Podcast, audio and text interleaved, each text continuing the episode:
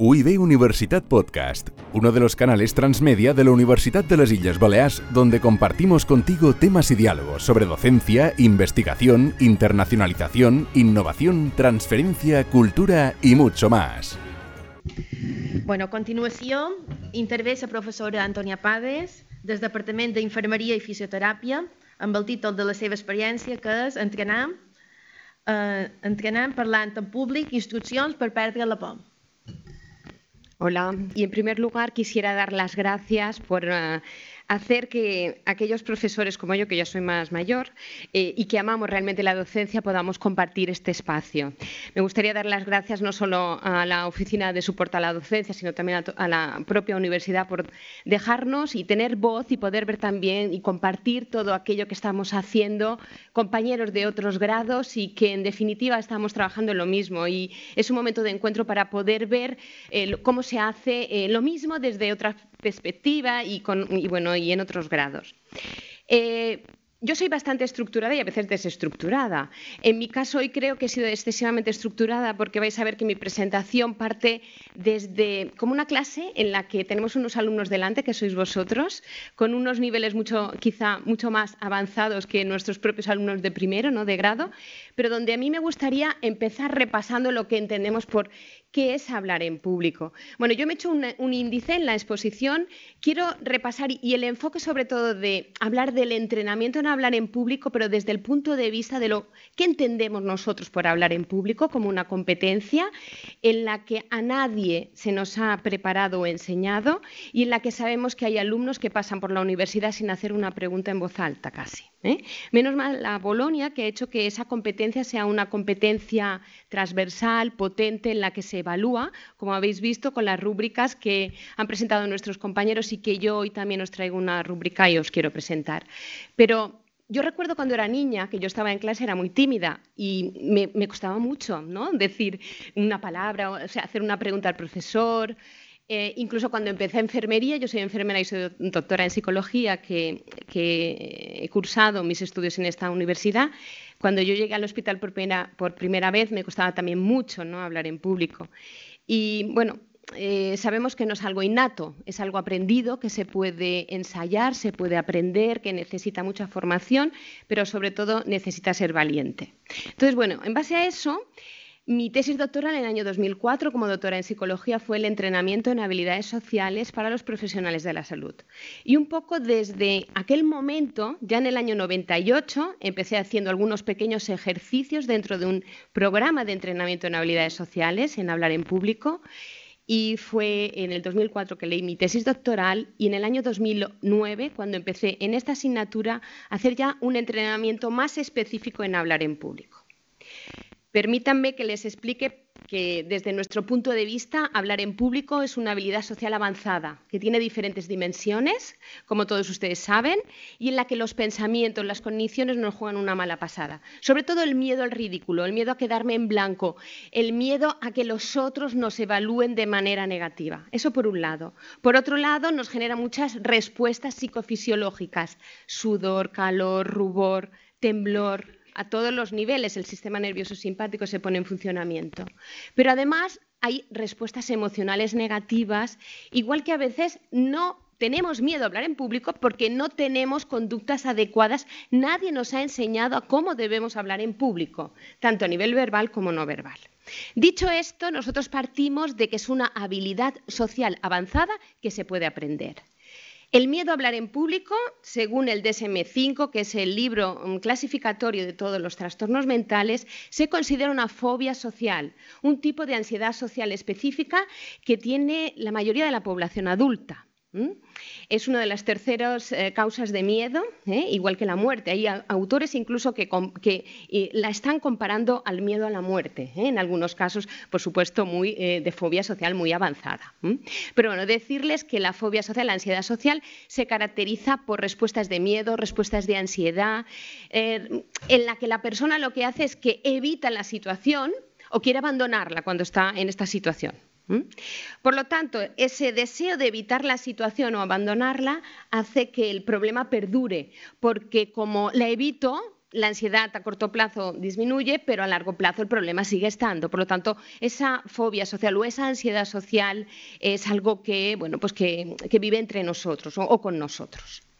Dicho esto, nos planteamos un entrenamiento en habilidades sociales con un objetivo psicoeducativo. No podemos hacer clínica, no vamos a hacer terapia en estos momentos. Estamos trabajando con grupos numerosos, eh, estamos en una facultad de enfermería y fisioterapia con un volumen muy eh, amplio en cuanto a alumnado. Tenemos a veces pues, 150 en el aula, en el grupo grande. Por lo tanto, no se nos pasaba ni por, bueno, ni por la cabeza pensar en hacer un entrenamiento con un objetivo clínico, pero sí con un objetivo psicoeducativo.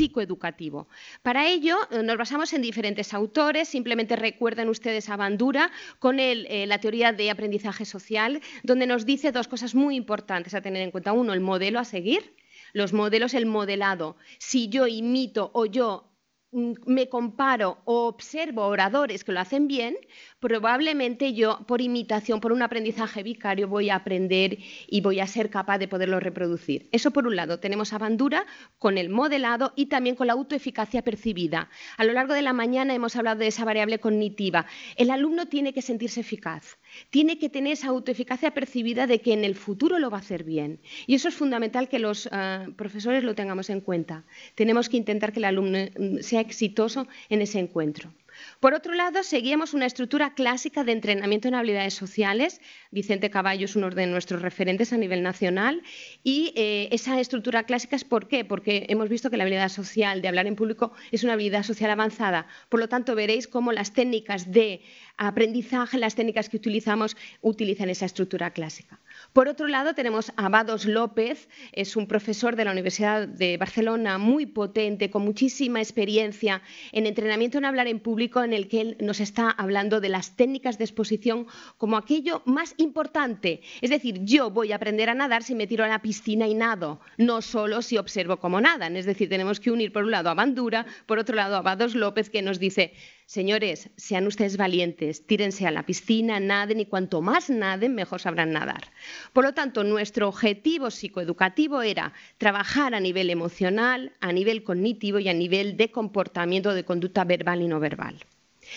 Eh, nuestro objetivo básico es ayudar, ayudar al alumno, ayudar al alumno universitario a perder ese miedo a hablar en público, dotándole de recursos personales, haciendo que él se sienta valioso, que pueda practicar, pero además en un entorno cómodo, cercano, donde el profesor también eh, no sea su enemigo, sino que sea su amigo y que le pueda ayudar. ¿Qué demandan nuestros alumnos? ¿Qué nos dicen los alumnos? Los alumnos quieren ser instruidos porque consideran que esta competencia transversal es importante y es básica para poder eh, exponer sus hallazgos eh, y llegar a unos mm, resultados académicos importantes y también a nivel profesional. Necesitan ser escuchados, necesitan ser autónomos, pero sobre todo poder practicar. Poder practicar, eh, por supuesto, en un entorno que hemos dicho que sea cordial, que sea cercano, pero a la vez instructivo. No todo vale. Los docentes debemos estar atentos a esas necesidades del alumnado y poder intentar realizar eh, esos entrenamientos sin hacer daño al alumno. Sin hacer daño significa vamos a entrenar habilidades sociales, pero también ajustándonos a las necesidades también personales de cada uno de ellos, que es lo más complicado cuando estamos trabajando un número tan grande. Eh, decirles básicamente que se ha repetido. Eh, Bolonia, con el Espacio eh, Europeo de Educación Superior, nos dice que la competencia de hablar en público es una competencia oral escrita en lengua materna, importante, es una competencia transversal. Eh, el alumno y el profesional tiene que poder enseñar hallazgos, tanto académicos como profesionales, como sus hallazgos en investigación. Por lo tanto, yo que estoy dentro del terreno de ciencias de la salud, la educación para la salud para nosotros, el hablar en público es una competencia clínica más. Es decir, el médico, la enfermera, el fisioterapeuta, cuando hace educación para la salud, tiene que poder hablar en público para poder adiestrar, para poder cambiar conductas a, sus pacientes, ¿no? Ser una comunicación persuasiva, pero a la vez también en la comunidad, ¿eh? ese mensaje de educación para la salud. Sabemos, nos dice Cebria, que eh, la universidad es un buen sitio para aprender, para moldear y para demostrar esas conductas. Por lo tanto, estamos en la universidad. Vamos a enseñar a nuestros alumnos. ¿Cómo lo hacemos? Decirles que desde el año 2009 hasta la actualidad, en grado de enfermería, en primer curso de la asignatura de comunicación y salud, que tiene seis ECTS, es donde se están llevando a cabo estos entrenamientos en habilidades sociales, eh, en concreto en habilidad eh, social avanzada, hablar en público y, eh, bueno, decirles que es una asignatura de primeros, una asignatura básica. Vienen todos los alumnos de primero, una media de unos 120 alumnos. Tiene cuatro módulos teóricos, tiene diez temas. Esa asignatura tiene dos grandes ejes. Una, la comunicación humana en la sensibilización a la humanización clínica, en la relación terapéutica, y otra gran línea, otro gran bloque que sería eh, aportar recursos al nuevo profesional de la salud. Y entre estos recursos estarían la inteligencia emocional, las emociones, las conductas y sobre todo pensamientos, pensamientos positivos y la relación de ayuda, básicamente. ¿eh? Siguen estos dos grandes bloques. Tenemos diez temas y, en cuatro bloques y luego tenemos unos seminarios teórico-prácticos donde está eh, de forma inserta ¿no? estos entrenamientos en hablar en público. Estos tres seminarios, hay seminario 1, 2 y 3, tienen cuatro horas de duración cada uno de ellos y se hace en pequeño grupo de 20-25 alumnos. Por otro lado, el año pasado empezamos a hacer la intervención también en fisioterapia. Fueron los propios alumnos de fisioterapia los que vinieron a nuestro grupo de comunicación y salud y nos dijeron si podían ellos también tener ese tipo de entrenamiento, porque entre los alumnos habían comentado la necesidad de entrenar habilidades sociales, no solo hablar en público, sino también escucha activa o empatía como habilidad social básica. Entonces, el año pasado, en el año, bueno, en este curso 2018-2019, se está llevando a cabo, pero en cuarto, en la asignatura de Practicum, también un entrenamiento más corto, bueno, cuatro horas y cuatro horas, pero solamente dos seminarios. Eh, nuestro modelo teórico es el modelo cognitivo-conductual con esa finalidad psicoeducativa y es aprender observando y practicando, haciendo. Por lo tanto, la estructura que antes les comentaba de las técnicas del aprendizaje, cuál es la que seguimos, seguimos instrucciones, cómo se debe hablar en público, el modelado, utilizar modelos, modelos que lo hacen bien y también modelos que lo hacen mal para que puedan discriminar, aprendizaje por observación, el ensayo conductual o role-playing y la retroalimentación a través de rúbricas o escalas, como mi compañera anterior, María, también ella nos ha explicado una rúbrica para hacer ese feedback correctivo. Consideramos que eh, una rúbrica de observación sistemática es básica para luego poder hacer feedback y moldear esas conductas. Mm, por otro lado, dejamos tareas para casa, para que en, ese mm, trabajo autónomo del alumno, el alumno sea capaz de hacer esas tareas para casa y es reunirse los cuatro compañeros del grupo, trabajar, hacer feedback, preparar la exposición eh, con toda la previa instrucción que nosotros les hemos eh, planteado. Eh, Albert Ellis, que es el padre de la, teoría racional emotiva y que tiene y hace mucho hincapié en los pensamientos, nos dice actuar, actuar y actuar contra, contra mis ansiedades. Cuantas más acciones emprenda en relación con mis temores, más tiempo y energías malgastaré obsesionándome con ellos. Por lo tanto, vamos a actuar, vamos a practicar, vamos a hacer. Estas serían las sesiones, esta sería cómo lo hacemos. En la primera sesión hemos denominado una sesión formativa, donde además medimos al, alumnado una escala de confianza en hablar en público, que es una escala muy sencilla de 12 ítems, que nos va a servir para ver cómo puntúan en relación a la confianza en hablar en público. Esta escala eh, de 12 ítems tipo Likert nos permite discriminar a aquellos que puedan tener más ansiedad social. Va desde 12 hasta 72 y aquellos alumnos que el punto medio sería entre 40 y 42, pero aquellos alumnos que puntúan más de 60 es aquel alumno que nos encontramos delante con una necesidad de que, bueno, que tiene ansiedad social. Entonces esa persona puede estar sufriendo luego cuando haga la exposición. Se le invita a este alumno a que venga una tutoría de apoyo adicional, porque ahí sí que se tiene que hacer una intervención en pequeño grupo. Por lo tanto, pasamos el PRCS, que es una escala de, validada en población española con altos grados de fiabilidad y de confianza Luego hacemos ejercicios de tema vacío. El ejercicio de tema vacío es una em, improvisación, eh, una charla improvisada a través de unas cartas que nosotras hemos confeccionado. Es como un juego de cartas en las que el alumno coge una carta al azar y durante un minuto tiene que hablar de esa carta. Mientras que nosotras, las profesoras, estamos eh, haciendo feedback y trabajando con la escala ECO. La escala ECO es esa rúbrica de observación sistemática que hemos podido publicar eh, también en una revista, revista de eh, eh, estudios de educación, y es una escala que tiene 10 ítems, también muy fácil de cumplimentar, en la que se mide la expresión corporal, la gesticulación facial, la mirada, la fluidez, el volumen, la entonación, el interés, la estructura del contenido, la claridad y el ajuste del contenido al tiempo, que como sabemos también es importante. Esta escala el alumno previamente la, tiene y trabaja con ella porque hacemos que puedan también visualizar oradores. Tenemos unos vídeos de oradores en las que ellos también en esta primera sesión se les da la escala ECO y ellos mismos saben que con esta escala se les va a evaluar después, pero además les sirve para trabajar en sensibilidad perceptiva de poder evaluar esos oradores. A todos se les invita a que vengan a una tutoría de apoyo, pero especialmente a aquellos que han puntuado muy alto en esa escala de confianza en hablar en público o miedo a hablar en público. Se les hace una tutoría en pequeño grupo y en esta tutoría en pequeño grupo se les eh, deja que ensayen en ese pequeño grupo y se les da un feedback correctivo de manera individualizada. Lo agradece muchísimo esa tutoría de apoyo adicional porque resta mucho la ansiedad y los nervios a aquellas personas que tienen más nervio. ¿Eh? que son más nerviosos. Y por otro lado, también en esa primera sesión formativa confeccionamos los grupos de trabajo que son máximo cuatro alumnos y también se les da unos temas. Entre estos temas tenemos un listado de temas. Los temas tienen que ver con la asignatura, por lo tanto ahí aparece la empatía, la comunicación verbal, el tacto, la mirada. Al azar también se les asignan esos temas y eh, los alumnos lo que hacen es que preparan en este trabajo autónomo su exposición en grupo con un apoyo audiovisual que también se les enseña en esa, esa, práctica de apoyo audiovisual para encontrarnos en una segunda sesión. En esta segunda sesión evaluativa se hace la exposición ya de esos grupos y para ello reservamos el salón de actos del Guillén Cifre. A veces si no tenemos, venimos aquí al Jovellanos. Intentamos simular una situación de escenario real como si fuera un congreso.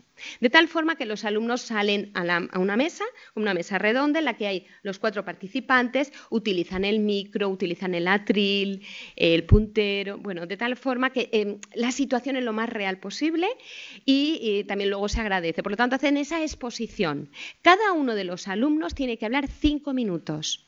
No contamos el minuto 0,1 porque ese es el minuto de habituación para mm, disminuir esos nervios, pero sí a partir del minuto 1 hasta el minuto 4, a través de la escala ECO y después al final se les hace y se les da una feedback individualizado a cada uno de ellos. Eh, posteriormente de que todos los grupos expongan, también vuelven a cumplimentar la escala que hemos mm, utilizado antes, esta escala que les comento de confianza en hablar en público para ver si ha habido o no diferencias.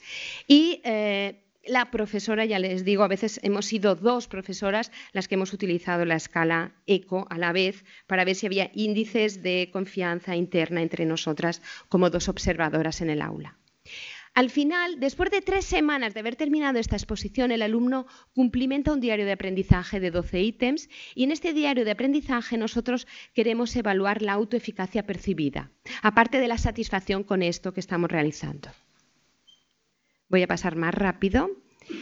Esta sería un poco la estructura que les comento. Primera, segunda sesión que sería la tutoría y la tercera sesión. ¿Qué bondades hemos descubierto en el programa? Ah, consideramos como docentes que es un es de corta duración, es un seminario de corta duración que podría ser extensible a otros estudios, incluso a nivel profesional, no solamente aquí, eh, ahora, en enfermería, sino que podría ser en otros estudios. Por otro lado, como bondad, dotar de recursos al alumno para que se sienta más seguro y que adopte ese rol autónomo que va a necesitar como profesional. También esa capacidad de transmitir lo aprendido a otras asignaturas. Estamos en primero, por lo tanto, el enseñar esto en primero nos puede ayudar o puede ayudar al alumnado a que pueda transferirlo a otras asignaturas. Y de hecho, hablando con otros compañeros, con otros profesores, nos dicen que bueno, que, lo ven, o sea, ven esa, eh, esa competencia adquirida. Por otro lado, también participar en ese aprendizaje eh, colaborativo entre iguales, porque el trabajar en equipo, unos se ayudan a otros, se hacen feedback, facilita mucho el trabajo en equipo. Por otro lado, mm, analizar sus propios miedos y hablar de sus propios miedos y compartirlos hace que aumente su autoestima y su autoconfianza, sobre todo cuando de forma exitosa han hecho la presentación. Y por último, estamos facilitando o ayudando en esa competencia profesional. A, nivel de percepción de competencia oral del alumnado, después de medir la autoeficacia a través del diario de aprendizaje, vemos como el alumno en esa autoeficacia percibida futura está puntuando entre 4 y 5, como pueden ver en, en ese histograma en la parte gris final. Por lo tanto, eso nos hace pensar que el alumno se siente mucho más seguro y que se va a encontrar con esa nueva situación con éxito, lo va a intentar hacer con éxito. En relación a lo que los alumnos nos comentan en cuanto a porcentajes de cómo ven ellos el programa, decirles que esto sería los cálculos de 112 alumnos de un curso académico, no de todos porque no hemos podido retomar, pero sí recoger de, de 112 alumnos. El 100% de los alumnos decían que era útil el 51% que les servía para la transferencia a otras asignaturas, el 65% que, eh, que ellos consideraban que les había otorgado confianza, un 33% la autoestima más elevada, perder el miedo en el caso del 51% de los alumnos. En cuanto a la comunicación no verbal, habían sido adiestrados y lo habían mejorado en un 35%. Solamente el 8%, y eso es una limitación, decían que en cuanto a comunicación verbal, en cuanto a mm, contenido de la comunicación verbal y perder la vergüenza en un 33%. Por lo tanto, nuestro objetivo inicial y era enseñar para perder el miedo y coger confianza y seguridad, creemos que, bueno, pensamos que lo hemos logrado. Como resultado de la experiencia a nivel general desde el año 2009 hasta el año 2018, decirles que hemos podido entrenar a 1.494 alumnos. Eh, estamos orgullosos por ello. Eh, en cuanto a resultados, aparece una tesis doctoral de una compañera, la doctora Fátima Rosobás, sobre precisamente hablar en público como un programa de desarrollo en la competencia oral en profesionales de la salud. Va a aparecer en breve un pequeño manual didáctico de cómo hablar en público y recomendaciones para, para perder el miedo en el cual yo he sido la autora. También decirles que nuestra rúbrica se ha podido validar la escala y está publicada. Eh, de ahí aparece también un proyecto de innovación docente, dos comunicaciones en congresos internacionales y tres pósteres en jornadas de educación superior. Líneas futuras de actuación, ¿qué nos gustaría? Incrementar en ejercicios de comunicación verbal. Consideramos que el alumno universitario también la comunicación verbal es fundamental, el contenido de lo que dice, cómo lo dice, cómo lo estructura, cómo es capaz de sintetizar la información. Eh, por ahí tenemos que trabajar más. Por otro lado, poder aplicar el entrenamiento en ambiente profesional. Consideramos que los profesionales de la salud tienen que poder hacerlo también en su entorno laboral. También intentar formar y adiestrar para eh, eh, facilitar el trabajo fin de grado, fin de máster y las tesis doctorales.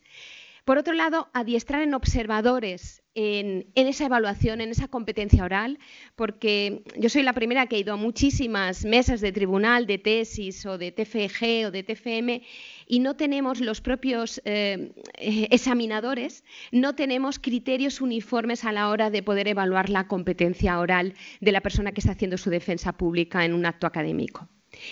Y por último, y es algo que ahora nos ha salido nuevo y que yo estoy muy ilusionada, es poder comparar entornos reales que es lo que estamos haciendo con entornos virtuales de entrenamiento. En concreto, con la Universidad Complutense de Madrid, unos ingenieros en inteligencia artificial han contactado con nosotros y vamos a trabajar, ellos están haciendo, están generando un vídeo, eh, un videojuego para perder el miedo a hablar en público.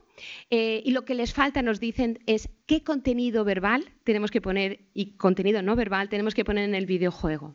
Y estamos intentando, bueno, pues establecer esos vínculos con la Universidad Complutense. Y bueno, decirles que este es el equipo docente, Pilar Andreu, que está aquí presente, Carlos Nieves, yo misma, Antonia Pade, Raquel Rodríguez, que no ha podido venir, Noemi Sanso y Fátima Rosso, que ahora no están en nuestra asignatura, pero que han estado, y sobre todo Fátima Rosso ha sido un pilar fundamental con su tesis doctoral y con todas sus aportaciones. Y bueno, y dejarles con mis alumnas de enfermería.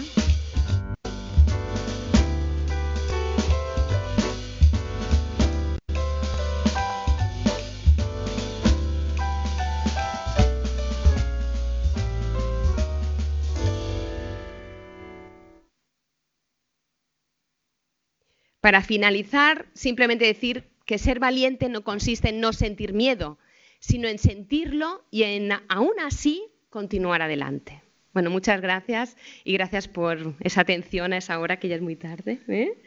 Bueno, pues nada, cualquier gracias. UIB Universitat Podcast, uno de los canales transmedia de la Universidad de las Islas Baleares, donde compartimos contigo temas y diálogos sobre docencia, investigación, internacionalización, innovación, transferencia, cultura y mucho más.